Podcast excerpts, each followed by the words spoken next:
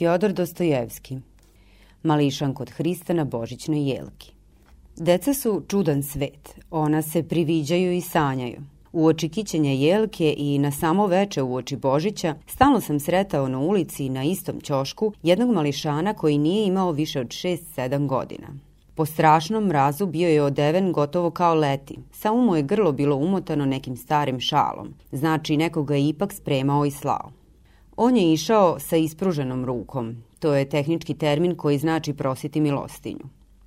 Taj izraz su izmislili sami mališani, a takvih kao on ima mnogo.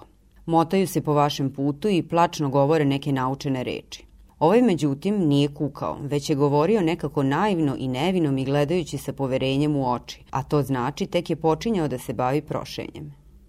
Na moje pitanje rekao je da mu sestra leži bolesna i bez posla – Možda je istina, ali ja sam kasnije doznao da ovih mališana ima bezbroj. Šalju ih da prose i po najstrašnijoj hladnoći. I ako ništa ne skupe, sigurno ih čekaju batine. Kad nakupi nešto kopejki, mališan se pomodrelih i skočanjenih ruku vraća u neki čumez, gde pijanči banda neradnika od onih koji počinju štrajk u fabrici u subotu i ne vraćaju se na posao pre srede uveče. Tamo u čumezima podrumima s njima pijanče njihove gladne i stučene žene. Tamo pište njihova gladna mala deca. Vodka, prljavština i razvrat, ali glavno je vodka. Mališana sa isprošenim kopejkama odmah šalju u krčmu i on donosi još pića. Radi zabave i njemu ponekad nali u usta čokanj vodke i kikuću se kad on, gubeći dah, pada na pod gotovo bez svesti. I u usta mi je vodku odvratnu nemilosrdno sipao. Kad poodraste, što pre mogu, gurnu ga nekudu u fabriku, ali sve što zaradi i dalje je dužan donositi neradnicima, a oni opet to propiju. Ali i prije no što stupe u fabriku, ova deca postaju pravi prestupnici. Ona skitaju po gradu i znaju u podrumima takva mesta kroz koja se može proći i gde se može neprimetno prenoćiti. Jedan od njih je spavao nekoliko noći uzastopno u korpi kod nekog vratara koji ga nije primetio. Oni naravno postaju i sitni lopovi. Krađa postaje strast, čak kod osmogodišnje dece koja ponekad nisu svesna svojih prestupa. Na kraju podnose sve, glad, hladnoću, batine, samo radi slobode i beže od svojih neradnika da skitaju po svojoj volji. Ponekad to divlje stvorenje ništa ne shvata, ni gde živi, ni koje narodnosti, imali Boga, postoji li car, pričaju o njima čak takve stvari da čovek ne veruje svojim ušima, a međutim to su činjenice ali ja sam romansijer i čini mi se da sam jednu priču sam izmislio. Zašto pišem čini mi se, kada sigurno znam da sam je izmislio, ali meni izgleda da se to negde i nekada desilo i da se desilo upravo u oči Božića u nekom ogromnom gradu i po strašnoj hladnoći. Pričinjava mi se da je živeo u podrumu Mališan, ali još sasvim mali, kome je jedno šest godina ili još manje. Taj Mališan se probudio jednog jutra u vlažnom i hladnom suterenu.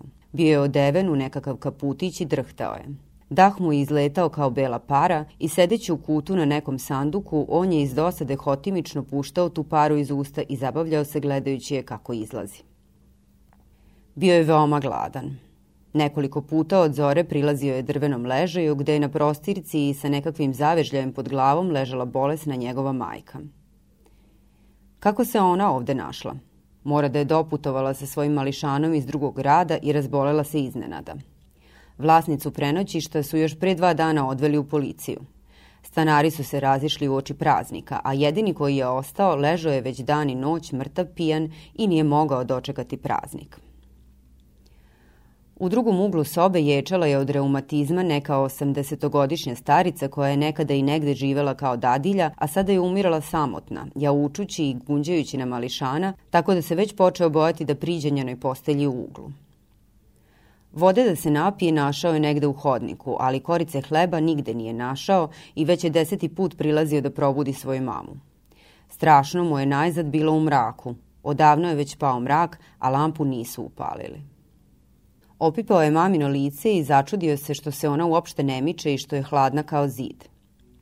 Mnogo je ovde hladno, pomislio je, postojao malo i nesvesno zaboravivši svoju ruku na ramenu pokojnice.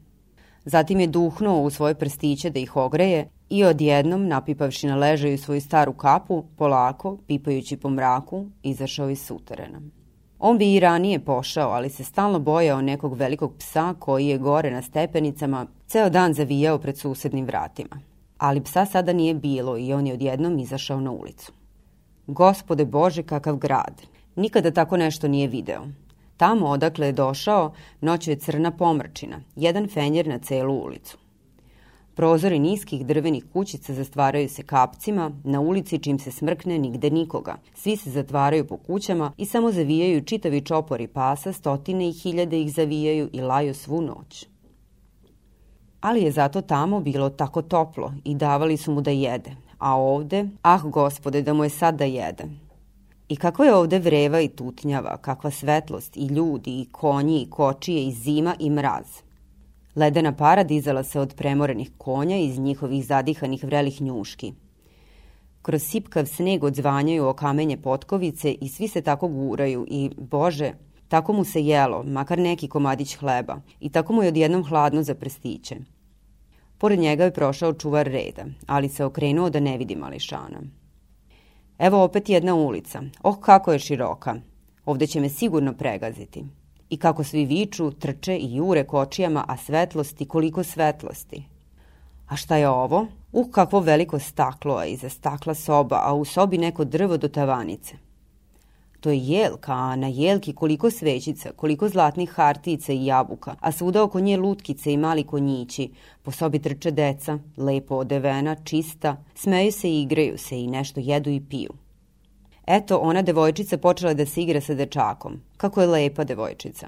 Evo i muzika se čuje kroz prozor. Mališan gleda, čudi se, već se i smeje, ali sad ga bole prstići i na nožicama. A na ručicama su mu već sasvim pomodreli, već ne mogu da se savijaju i bole kad miče njima. I odjednom Mališan oseti da ga mnogo bole prstići. Zaplaka se i potrča dalje. I evo ponovo je video kroz drugo staklo sobu i tamo je drveće, a na stolovima razni kolači.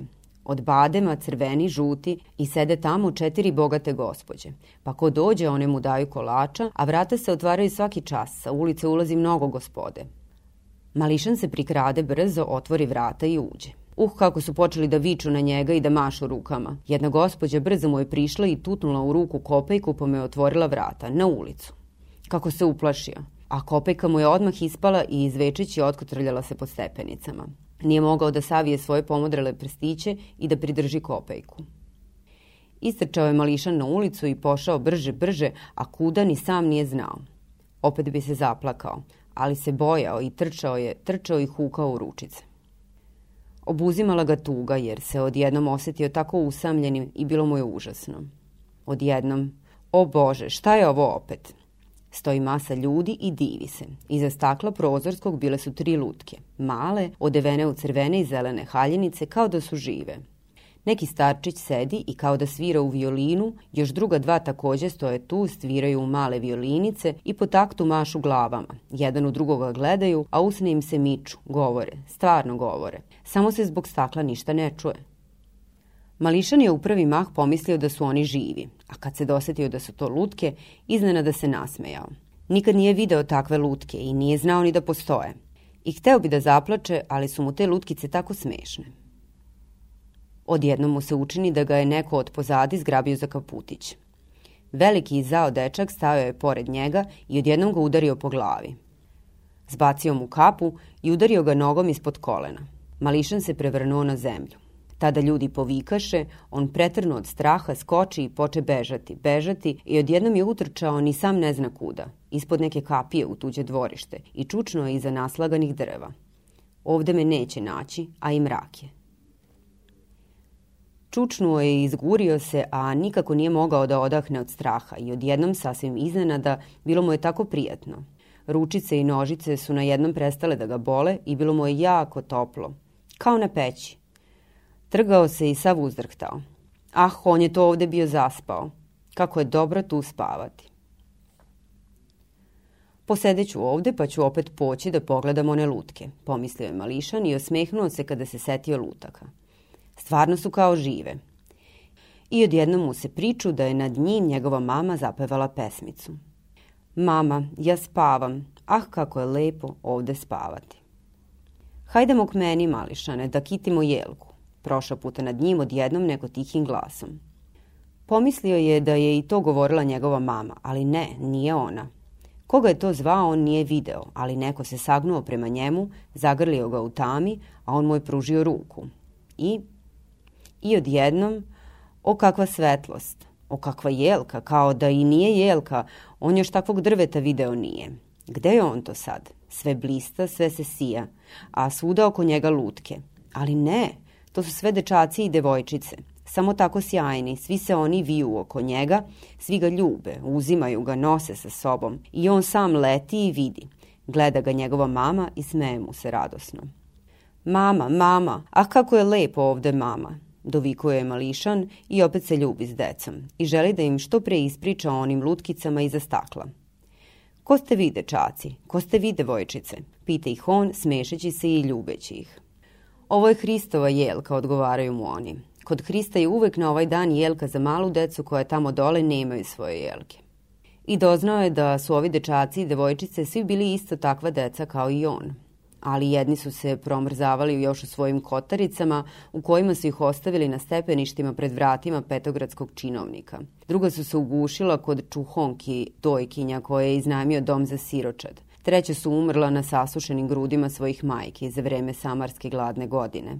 Četvrta su se pogušila od smrada u vagonima treće klase. I svi su oni sada ovde, sva su ona kao anđeli, sva su kod Hrista i on je lično među njima i pruža im ruke i blagosilja njih i njihove majke grešnice.